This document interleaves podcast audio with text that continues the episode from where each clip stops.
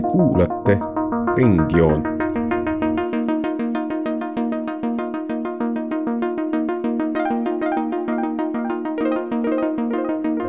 joon ringis. saatesari Varjupaiksed. tere, kallid Ringjoone kuulajad. oleme jõudnud saatesarja Varjupaiksed kuuenda osani kui eelmises osas rääkisime humanitaarabi pakkumisest kohapeal, tuleb seekord juttu rändekriiside kohalikest leevendajatest, humanitaarabi andvatest organisatsioonidest. ja saatekülaliseks oleme seekord kutsunud MTÜ Eesti Pagulasabi juhataja Eero Jansoni. tervist! ja meil on nagu ikka ka Solveig ja Saskia. tere! ja esimese asjana, Eero, ma küsiksin natukene sinu enda kohta, et millega sa tegeled, kuidas sa jõudsid MTÜ Eesti Pagulasabi juhataja kohale, mis, millega sa tegelenud oled ja seejärel, et millega MTÜ Eesti Pagulasabi tegeleb, kuidas ja kus? just, ja mina olen, mul on selline mitmekesine taust, ütleme niimoodi, et, et kuna oma töökarjääri ma alustasin juba tegelikult kuueaastaselt äh, hoopis äh, rannas siis jogurtimüüjana. Äh, Pärnust olen pärit, nii et selles mõttes selline ükski, ükski suvi sealt alates ei ole enam nii-öelda töövabalt möödunud. aga minu taust nii-öelda akadeemiline taust algas Tartu Ülikoolist. Eh, kunagi läksin siis riigiteadusi õppima ja hiljem siis ka sain politoloogi nii-öelda magistrikraadi. ja nüüd eh, veel hiljem siis sinna otsa veel teise magistrikraadi humanitaarabi, rahvusvahelise humanitaarabi vallas. Eestis sellise, sellist asja õppida ei saa, selle tõttu ma siis õppisin seda kolmes riigis, Hollandis, Poolas ja Ameerika Ühendriikides sest jah, see on täiesti selline, kuidas öelda, omaette maailm. vahepeal seal ma tegelikult töötasin kümme aastat äh, programmeerijana, ehk siis äh, noh, põhimõtteliselt kõik meie sisemised, äh, organisatsioonisisesed nii-öelda IT-süsteemid on ka mul enda, enda tehtud, see on väga, soovitan soojalt, kes mõtleb oma karjäärivalikute peale, siis kindlasti selline üks, üks komponent sellest võiks olla ikkagi natukene selline IT-teadlik teadlikud oskused võiksid ka seal juures olla. ja mm, pagulasabisse ma läksin tegelikult äh, nüüd järgmisel märtsis saab kümme aastat. Äh, kaks aastat pärast nii-öelda liitumist sellises kolme, kolmeinimiselise tiimiga, me olime tõesti väga-väga väike, see on üks projekt aastas organisatsioon, siis äh, võtsin üle juhataja rolli, toona oli siis juhataja Kristina Kallas, nüüd eh, siis Eesti kahesaja eh, juht. ja seda jah, ligi kaheksa aastat ma olen siis seda, seda rolli täitnud ja on olnud erakordselt huvitavad kaheksa aastat, ütleme niimoodi aga pagulasabi ise on tegelikult veel vanem, et teinekord mulle küll eh, niimoodi äh, omistatakse seda pagulasabi asutaja rolli, aga noh, see ei ole tegelikult õige, et pagulasabi asutati kahe tuhandenda aasta äh, lõpus, seal oli kümme asutajaliiget. ja seal,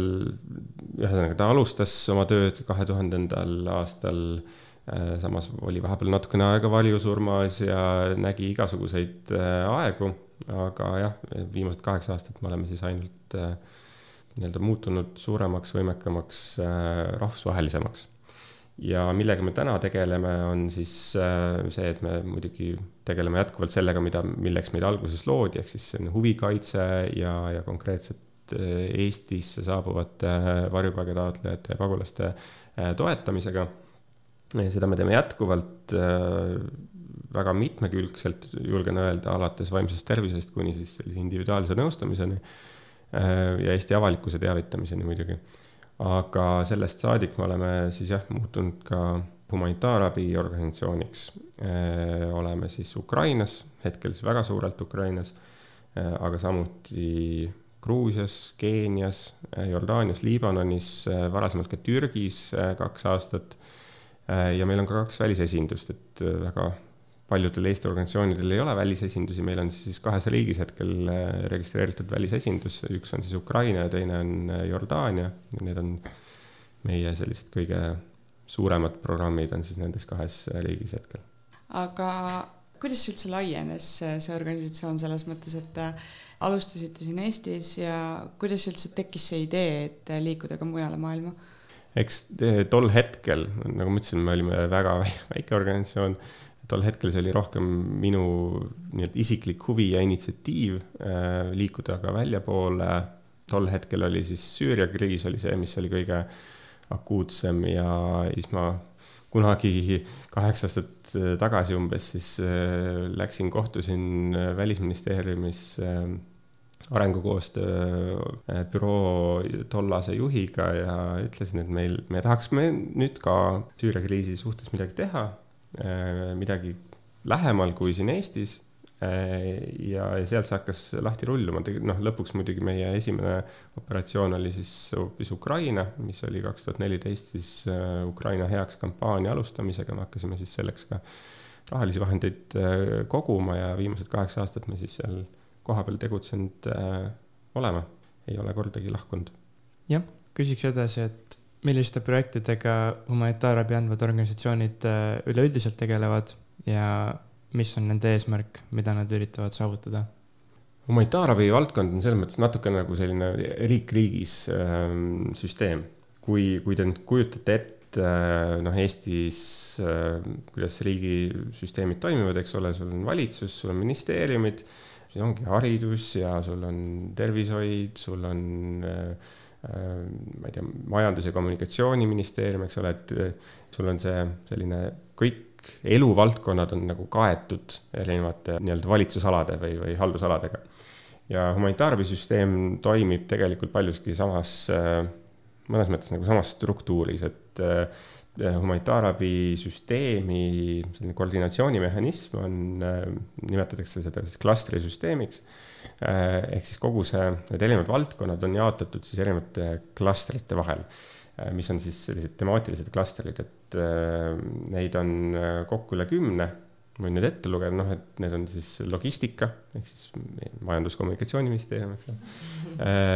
toitlustus või esmavajalik selline, et inimesed ei jääks Äh, nälga, äh, toidu turvalisus ka, äh, varjualune ehk siis, et katus oleks pea kohal, laagrite haldamine, et kui sul on juba selline, juba pagulaslaagrid tekivad kuhugi, siis nende, nende eest vastutab, vastutavad teatud organisatsioonid. tervishoid jällegi siis sotsiaal- ja tervishoiuminister siis Eesti kontekstis, turvalisus ja kaitse, mis on võib-olla kõige sellisem hägusamate piiride Äh, piiridega ministeerium, mis siis tegeleb näiteks ka naistevastase vägivalla, lastekaitse ja selliste teemadega. Põllumajandus ja toiduturvalisus, jällegi vastavus Eestiga on kohe Maaeluministeerium, eks ole. kriisiside, äh, jällegi kri, nii-öelda humanitaarkriiside ajal elutähtis nii päästjatele kui ka, äh, kui ka inimestele endile on, on sidet hoida ja, ja sidet nii-öelda su suuta teistega suhelda, eks ole Äh, esmane taastamine, mis on selline juba pikaajalisemale arengule suunatud, siis haridusvaldkond äh, jällegi, kus äh, lapsel, laps, lastel on vaja jätkuvalt siis oma haridust, haridusteed jätkata ja siis lõpuks siis vesi, sanitat-, sanitatsioon ja hügieen, mis siis vastutab kõikide nende nii-öelda veesüsteemide ja, ja noh, ütleme näiteks toimub maavärin ja kõik tualetid näiteks hävivad, eks ole, et siis, et, et kuidas panna äh, paika süsteemid, mis ütleme, sellised äh, latriinid, äh, et ei hakkaks seal levima ohtlikud nakkushaigused nagu koolera ja, ja nii edasi. ehk siis need, need klastrid siis, see klastrisüsteem on selline koordinatsioonimehhanism, mille sees või mille all siis tegutsevad erinevad organisatsioonid, kes siis spetsialiseeruvad ühele või teisele teemale ja nad tulevad kokku midagi juhtub, nad tulevad kokku, äh, otsustavad, et nii, siin on meil vaja sekkuda. Ähm, mina oskan seda teha, mul on raha selleks. Äh, äh, ma võtan selle piirkonna enda peale ja, ja siis nad koordineerivad, see on nii-öelda, kuidas see ideaalis võiks juhtuda, muidugi noh, reaalsus on sageli natuke teistsugune. aga globaalselt on siis määratletud ka sellised organisatsioonid, kes siis on äh, nii-öelda ähm, viimase kohustuse pakkujad või nii-öelda providers of last resort ehk siis, et kui mitte keegi äh, ei äh, kata mingisugust valdkonda, aga vajadus seal on, siis äh, tulevad sisse teatud organisatsioonid, kes siis vastutavad selle eest, noh, need on peamiselt siis ÜRO allasutused, noh näiteks ähm, toitlustusega tegeleb siis või toidu turvalisusega tegeleb UNICEF või vastutab selle eest nagu UNICEF. Et, et nemad on nii-öelda kohustatud oma mandaadist tulenevalt, on kohustatud seal siis ise äh, sekkuma ja, ja tegutsema. aga jah, üldiselt äh, nagu, nagu näha sellelt äh, või sellest kirjeldusest, eks ole, et tegelikult kõik eluvaldkonnad on humanitaarsüsteemis kaetud ja tegelikult humanitaar Äh, abi andmine toimubki selles olukorras, kus nii-öelda see olemasolev riigisüsteem ei tule toime, ehk siis vajadused on suuremad kui või võimekus äh, riigil endal nendele vajadustele vastata ja seda tühimikku selle vajaduse ja suutlikkuse vahel täidabki see humanitaarsüsteem ja ta täidab seda niikaua, kui selleks on vajadus ehk siis eh, noh, tegelikult me ei taha, et eh, humanitaarorganisatsioonid tegutseksid kuskil noh, ikka kümneid aastaid, eks ole, noh, seda me ka näeme teatud kriiside puhul, aga tegelikult see on ebasoovitav. et me kõik tahame ikkagi sealt eh, välja tulla nii kiiresti kui võimalik. ja see on ka see, kus siis noh, ideaalis pärast seda humanitaarsekkumist, siis vaikselt näiteks äh, arengukoostööle suunatud organisatsioonid või sellised pikaajalisele arengule suunatud äh, tegevused äh, tulevad sinna asemele. et humanitaarabi peaks olema ikkagi selline vajaduspõhine, kiire abi, aga tegelikult muidugi kuna nii-öelda maailma kontekstis me näeme, et sõjad, näiteks relvakonfliktid muutuvad aina pikemaks ja pikemaks, siis tegelikult, ehk siis nad ei lõppe, uusi tuleb peale, aga vanad ei lõppe, siis tegelikult Eh, noh, meil ongi selliseid kriise nagu Palestiina ja Liibanon, kus, eh, kus tegelikult ja noh, juba Süüria ja, ja Ukraina on mõnes mõttes sealsamas varsti peale kümne aasta, kus siis tegelikult need vajadused ei lõppe ja humanitaarsekkumised kestavad aastaid ja aastaid ja aastaid ja mingisugust lõppu seal eh, näha ei ole kas nendest kümnest valdkonnast, mis sa mainisid, Eesti pagulasabi tegelebki siis selle turvalisusega nii-öelda või, või kuhu, kuhu te ennast kvalifitseerite? Äh, ütleme nii, et Eestis me tegutseme võib-olla seal jah, turvalisuse vald, vallas. Äh, see nimetatakse protection, see, see tekitab alati segadust, sest protection'i all mõistetakse võib-olla midagi muud natukene, aga, aga jah, äh, ma arvan, et see vastuvõtt, mida me Eestis teeme, on, on suurel määral sinna alla, aga see, mida me Ukrainast oleme teinud, on palju ka toiduturvalisus Äh, ehk siis me tegelikult äh, tagame selliste baasvajaduste äh, täitmist. just toidu, näiteks Ukrainas praegu siis nii-öelda, et inimestel oleks võimalik siis toitu osta poest, samuti muid asju tegelikult. Otsapidi me oleme ka seal shelter'i all ehk siis selle varjupaiga, varjualuse pakkumise all, sest sinna alla kuulub ka nii-öelda selliste mittetoiduliste asjade jagamine, mida me oleme teinud ja otsapidi äh, tegutseme Eestis ka näiteks haridusvallas. jah, siin äh, äh, esmane taastamine samuti on midagi sellist, mida me tegelikult teeme, see on jällegi inglise keeles on paremad terminid, ma olen nii harjunud nagu inglise keeles kogu aeg rääkima, see on livelihoods valdkond, ütleme selline pikaajaline toimetulek. ehk siis jällegi, et me tegelikult tahame, et kriisist taastumine oleks jätkusuutlik, ehk siis, et, et me ei taha anda äh,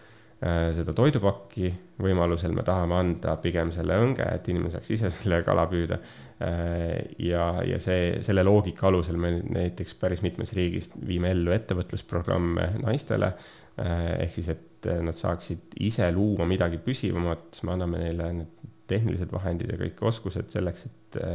ise siis oma leibkonnale, oma perele raha teenida äh, ja, ja seeläbi olla tegelikult ka tulevaste kriiside suhtes äh, nii-öelda paremini ette valmistunud, et nad äh, tegelikult, jälle see ingliskeelne sõna on see resilient või eesti keelde tõlgitud teinekord ka kui paindenõtkus, ehk siis, et inimesed nii-öelda ei murduks, vaid nad nii-öelda põrkaksid tagasi äh, ja võib-olla me isegi tugevamini, kui, kui nad sinna kriisi sisene, sisenesid, nii et, et see on, see on ka üks osa sellest, mis, mis me teeme.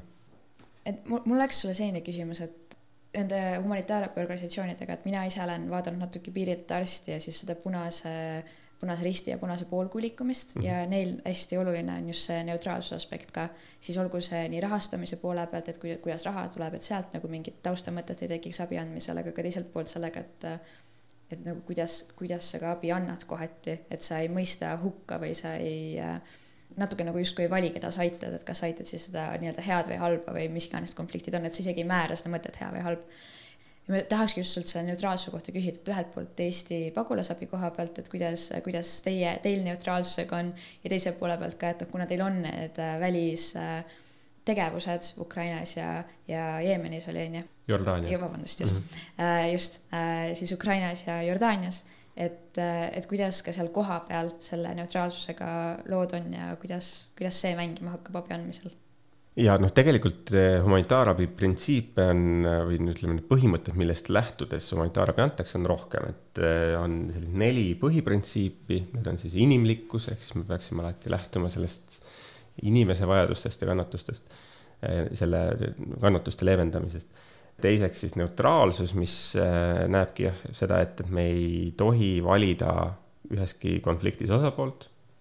Äh, siis on meil ka nii-öelda võrdsuse printsiip, ehk siis me anname inimestele abi vastavalt nende vajadustest, mitte lähtuvalt noh, soost, vanusest, äh, rahvusest, poliitilistest vaadetest, sotsiaalsest identiteedist ja nii edasi Äh, ja, ja viimaseks, neljandaks ka sõltumatus, mis äh, määrab siis selle, et, et me ei lähtu ühegi osapoole, ühegi riigi siis poliitilistest, sõjalistest, majanduslikest huvidest. et me oleme oma tegevuses sõltumatud nendest teistest huvidest. neutraalsuse printsiip on ehk siis see, see printsiip, et, et me ei, ei vali osapoolt, on, on sageli keeruline, mida saavutada. Ja, ja samas ta on üks põhiprintsiip, see on see ideaal, mille suunas me alati äh, pürgime äh, ja samas äh, siin on selline mõnes mõttes nagu konflikt selle vahel ka, et, et kuidas sind nähakse ja, ja kuidas sa ise võib-olla käitud, eks ole, et sa võid ise küll teha kõik õigesti, aga lõpuks noh, sind võidakse näha või, või tajuda ikkagi kuidagipidi poole valinuna meie oma humanitaarabi tegevustes kunagi nii-öelda pooli ei vali, me ei saa öelda, et me oleme nüüd ühe, ühe või teise poole nii-öelda sõjalise osapoole nii-öelda poolt. see, see võib-olla Ukraina kontekstis kõlab nagu hästi kummaliselt, eks ole, aga, aga humanitaarabi printsiibina, humanitaarorganisatsioonina me peame sellest lähtuma. see ei tähenda seda, et, et me ei mõistaks hukka Äh, ühe riigi agressiooni teise vastu või, või seda, et, et antud juhul agressorriik on Venemaa, kes tungis kallale vastu, vastupidiselt siis rahvusvahelistele seadustele Ukrainale, kes ennast kaitseb. Äh, selles mõttes see ei ole, selle tõdemine ei ole kuidagipidi neutraalsuse printsiibiga vastuolus küll aga mida see tähendab, on see, et kui me, kuna meie nii-öelda soov on ju aidata inimesi, kes on sõja tõttu kannatanud, me aitame ainult tsiviilisikuid ehk siis me ei saa aidata näiteks, mida paljud Ukraina organisatsioonid, paljud Eesti organisatsioonid teevad, nad aitavad sõja osapooli, ehk siis nad, nad ei, neil ei ole nagu vahet, et kas nad, see toidupakk nüüd läheb tsiviilisikule, kes on, vajab seda toidupakki, või see toidupakk läheb sõdurile. meie sõduritele abi anda ei saa ja see ongi vast-, nii-öelda vastavuses selle äh, neutraalsuse printsiibiga, me ei vali osapoolt, me ei toeta äh, otseselt ühtegi osapoolt ja, siin muidugi on, äh, paljud äh, organisatsioonid on sellega kimpus, teinekord sa kasvõi selleks, et äh, saada ligipääsu mingisugustele aladele, kus siis tsiviilisikud on ja keda on vaja aidata, siis sa pead ju läbi rääkima ka nende sõja osapooltega teinekord sult tahetakse midagi vastu ja sealt juba jooksevad need punased äh, jooned, eks ole, et meie ei saa anda, ma ei tea, raha või pistist või, või toidupakke selle eest, et me saaksime ligipääsu. Äh, ja see on oluline, et ka sõja osapooled saaksid aru sellest, et mis on humanitaarorganisatsioonide roll, mis on nende mandaat, mida nad saavad teha, mida nad teha ei saa see printsipiaalsus on alati sisuline, et me noh, see ei ole lihtsalt sõnakõlks, see on mõtestatud Äh, ja, ja teinekord ta võib siis äh, kõlada ühtemoodi, aga tegelikult selle sisu on midagi muud, nii et, et jah, et alati nendest äh, sõnadest tuleb siis vaadata kaugemale. Ähm, samal ajal muidugi tuleb tõdeda, et humanitaarorganisatsioone on ka erinevaid, et on sellised väga nii-öelda printsipiaalsed organisatsioonid nagu jah, MSF ehk siis see Piiriületajate Arstid ja ICRC, mis on siis see Punase Risti komitee, kelle mandaat ongi see, et nad on nagu nii neutraalsed äh, nagu igasuguse nagu selle konflikti suhtes äh,. ja mida on näiteks Punasele Ristile ka siin ette heidetud, eks ole, et, et nad äh, käivad nii Ukraina kui ka Vene poole peal siis äh, läbi rääkimas ja, ja inimesi seal laagrites näiteks äh, nii-öelda nõustamas ja nii edasi. Äh, et noh, mina ütleks, et selliseid organisatsioone on vaja, sest neil on väga selge koht selles humanitaarsüsteemis sest kui nemad seda ei teeks, siis, siis ei teeks keegi, et, et meil on vaja nii ICRC-d kui ka organisatsioone, kes, kes toetavad nii-öelda, kel, kelle see neutraalsuse põhimõte on noh, no seda on nagu raskem täita, no ütleme näiteks Eesti pagulasabina, meie nimi juba ütleb seda, et kust me oleme ja kust me tuleme, eks ole. Äh, me kindlasti ei saa minna Venemaa poole peale või Venemaale siis midagi teha ja öelda, et me oleme selle sõna suhtes neutraalsed, siis noh, see see perception või see, see, see hoiak meie suhtes juba on sellest nimest ja, ja sellest, kustkohast me, meie rahastus tuleb ja nii edasi, on, on kantud, eks ole. Äh, aga jah, et meie jaoks, nagu öeldud, see neutraalsuse printsiibi sisu on ikkagi see, et, et me toetame sõja tõttu kannatanud tsiviilisikuid, me ei saa toetada ühtegi sõdivat osapoolt otse.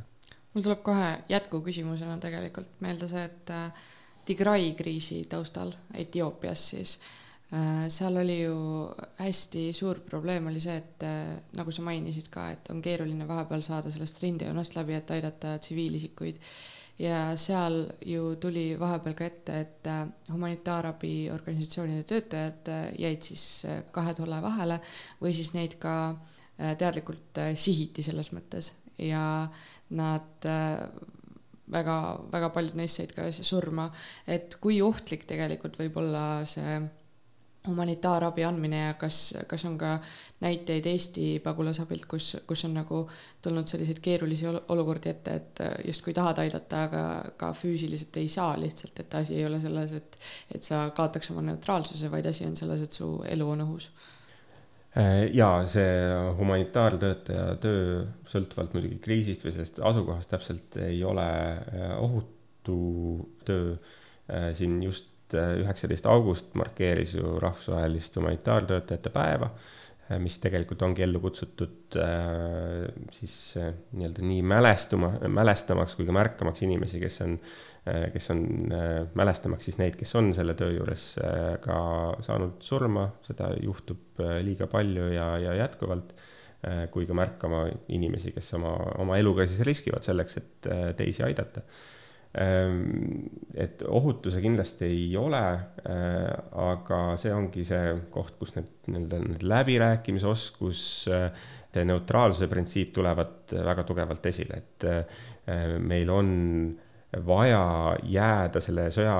suht-, selle, selle relvakonflikti suhtes, iga relvakonflikti suhtes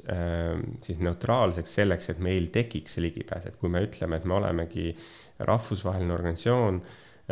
kes äh, ei vali siin osapoolt, me tuleme ainult selleks, et äh, kannatusi leevendada tsiviilisikutel, siis noh, printsiibis võiks see olla see,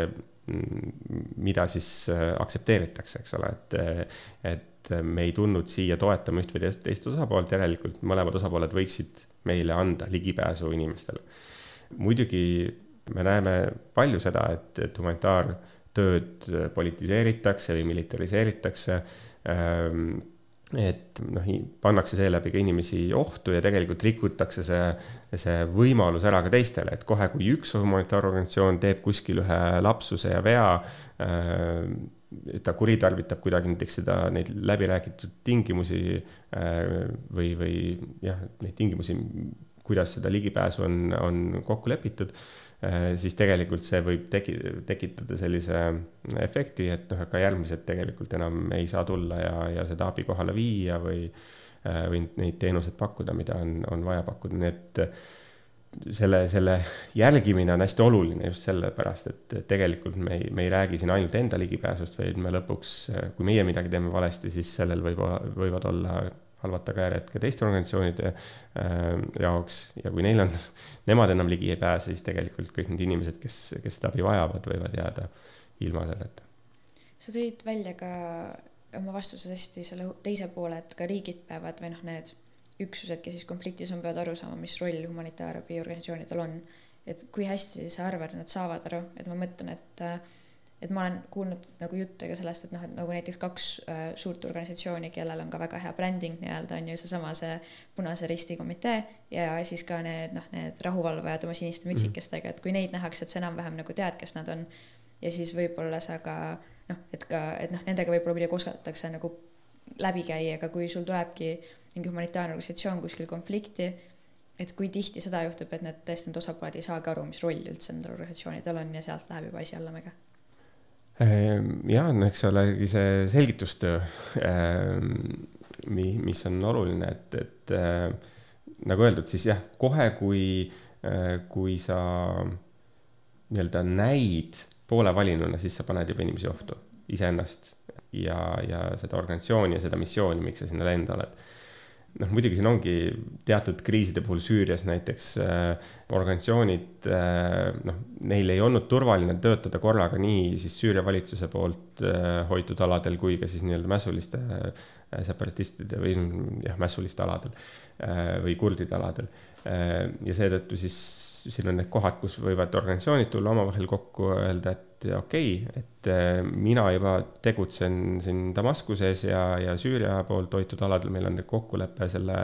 režiimiga olemas, et nad aktsepteerivad meie tegevust. aga kuna ma siin tegutsen, mina ei saa tegutseda teisel pool seda rindejoont, et et äh, kas läheb see teine organisatsioon ja katab neid sama vajadusi seal teisel pool rindejoont, et see on, see on see koht, kus see koordinatsioon muutub hästi oluliseks, teinekord ei ole võimalik äh, meil tegutseda korraga äh, nii-öelda üle, üleriigiliselt, kuigi see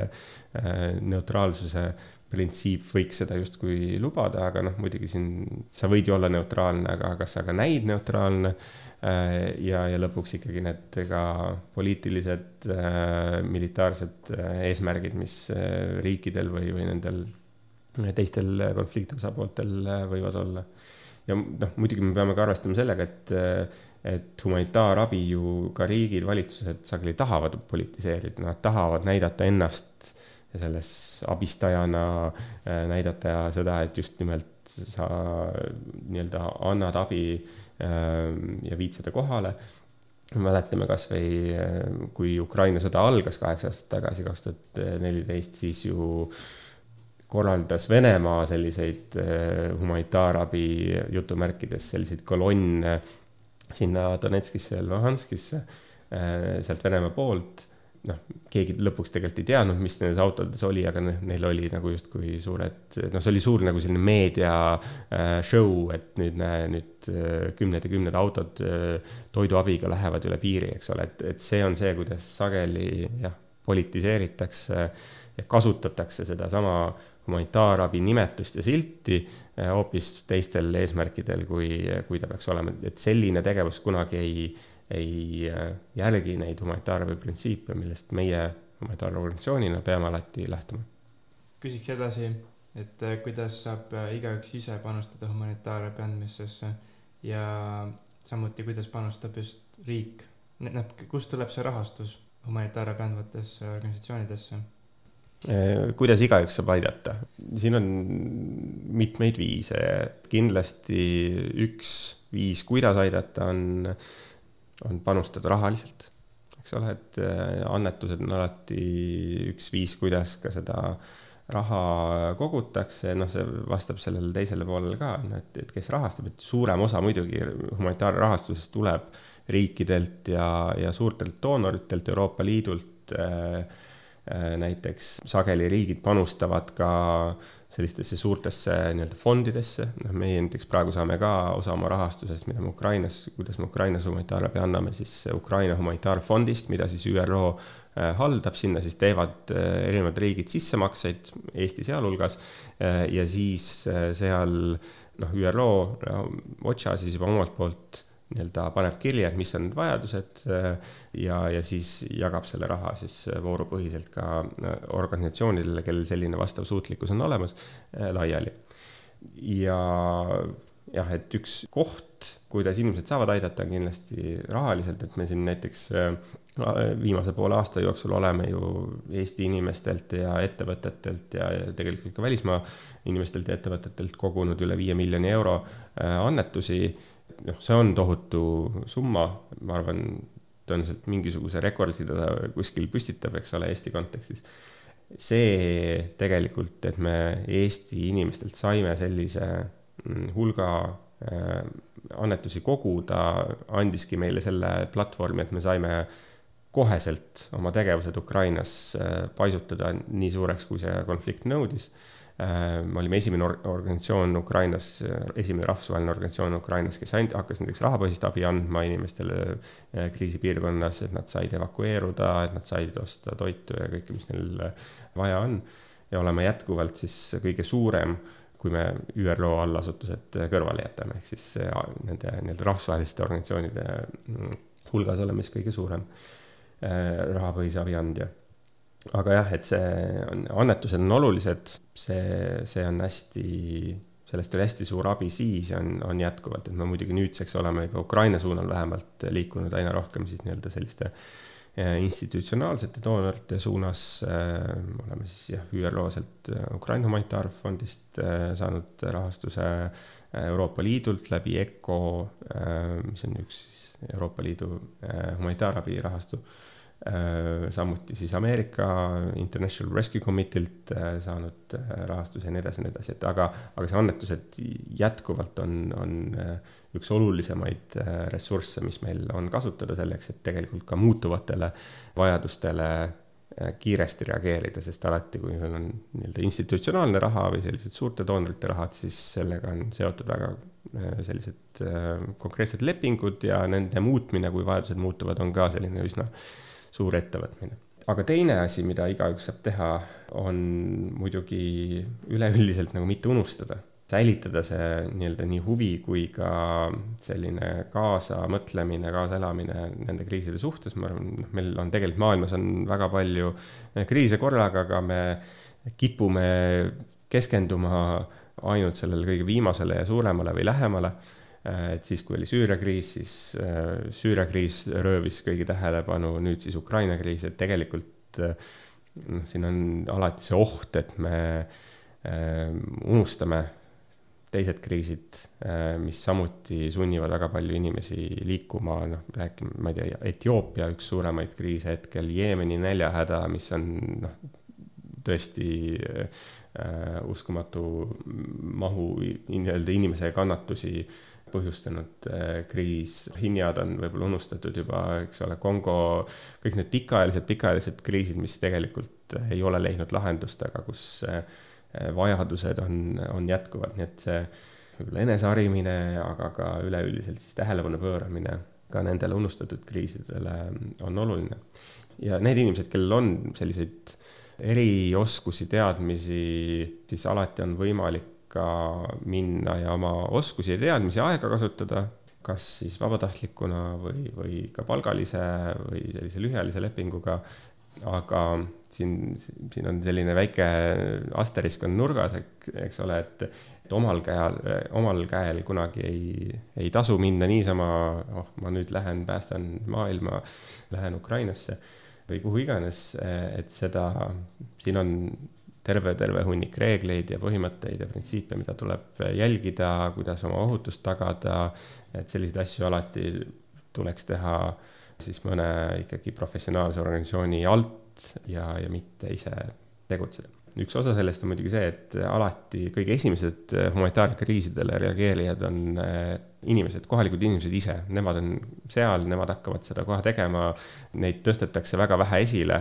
aga tegelikult kasvõi siin Ukrainas äh, nendel okupeeritud aladel, noh, kohalikud inimesed on need, kes on nii-öelda need first responder'id või esma,